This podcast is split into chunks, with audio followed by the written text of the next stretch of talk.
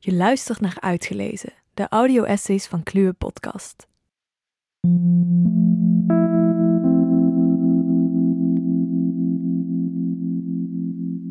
Bij Uitgelezen vind je audioversies van filosofische essays die wij de moeite waard vinden.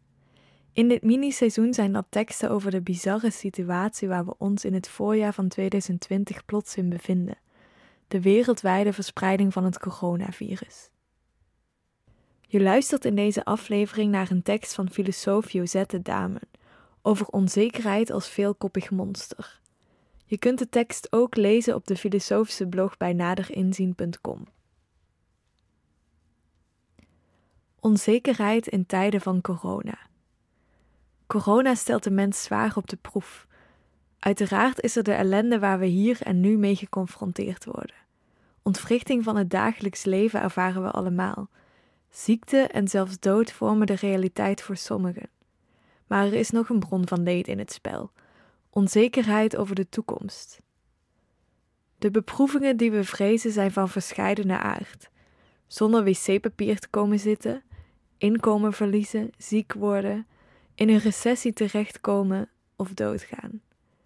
Of deze scenario's zich ook daadwerkelijk zullen ontvouwen is niet duidelijk, maar de mogelijkheid dat ze zich in de toekomst zullen voordoen is genoeg om ons nu al te kwellen.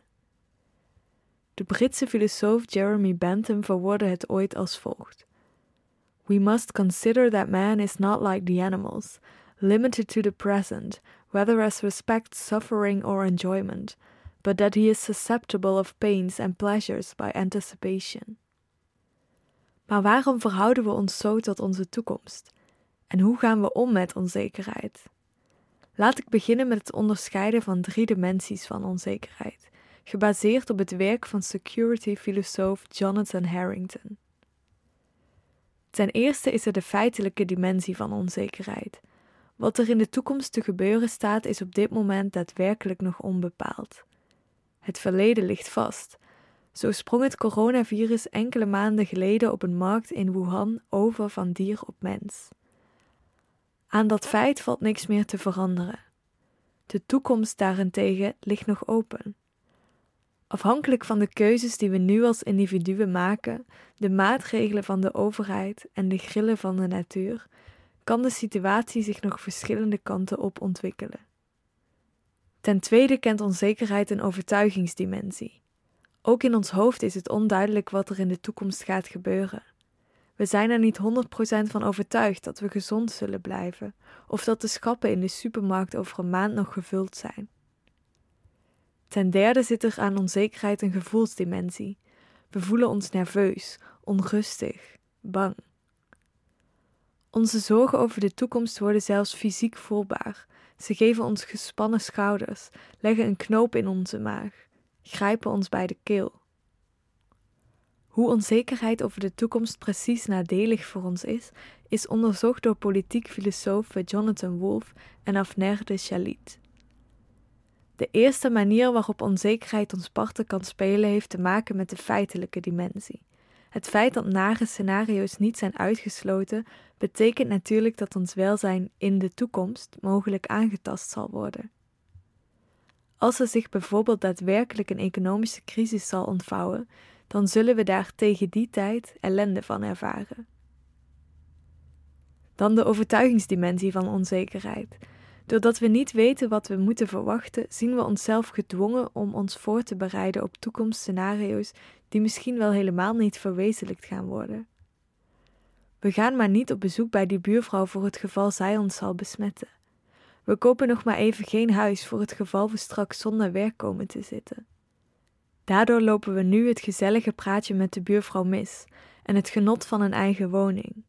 Hoe meer verschillende scenario's er in ons hoofd open liggen, hoe meer verschillende voorzorgsmaatregelen we nemen en hoe minder efficiënt we onze aandacht, energie en middelen kunnen wijden aan de werkelijke loop van het leven. Neem tot slot de gevoelsdimensie van onzekerheid.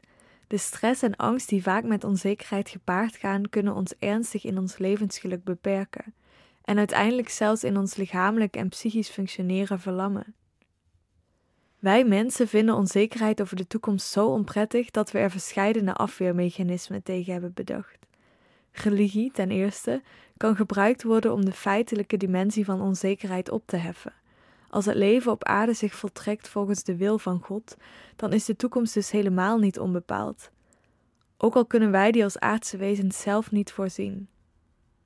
In onzekere tijden zoals deze berusten veel gelovigen in dit idee. De wetenschap, ten tweede, kan dienen ter bestrijding van de overtuigingsdimensie van onzekerheid. Door de wetmatigheden van de natuur en de samenleving te ontrafelen, worden we er steeds beter in om de toekomst te voorspellen en ons daarop voor te bereiden. Pogingen daartoe zien we vandaag de dag terug in de risicoanalyses van medisch deskundigen, de evidence-based adviezen van crisisexperts en de verwijzingen van historici naar de Spaanse grieppandemie begin vorige eeuw. Ten slotte kunnen we, om aan de gevoelsdimensie van onzekerheid te ontsnappen, onze toevlucht zoeken tot meditatie en mindfulness.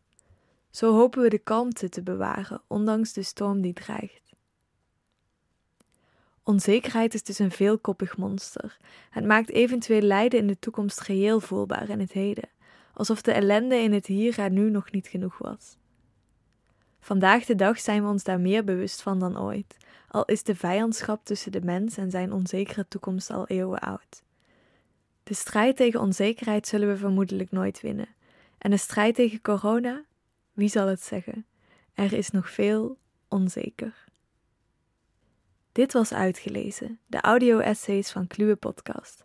Met deze keer een audio-essay van filosoof Josette Dame.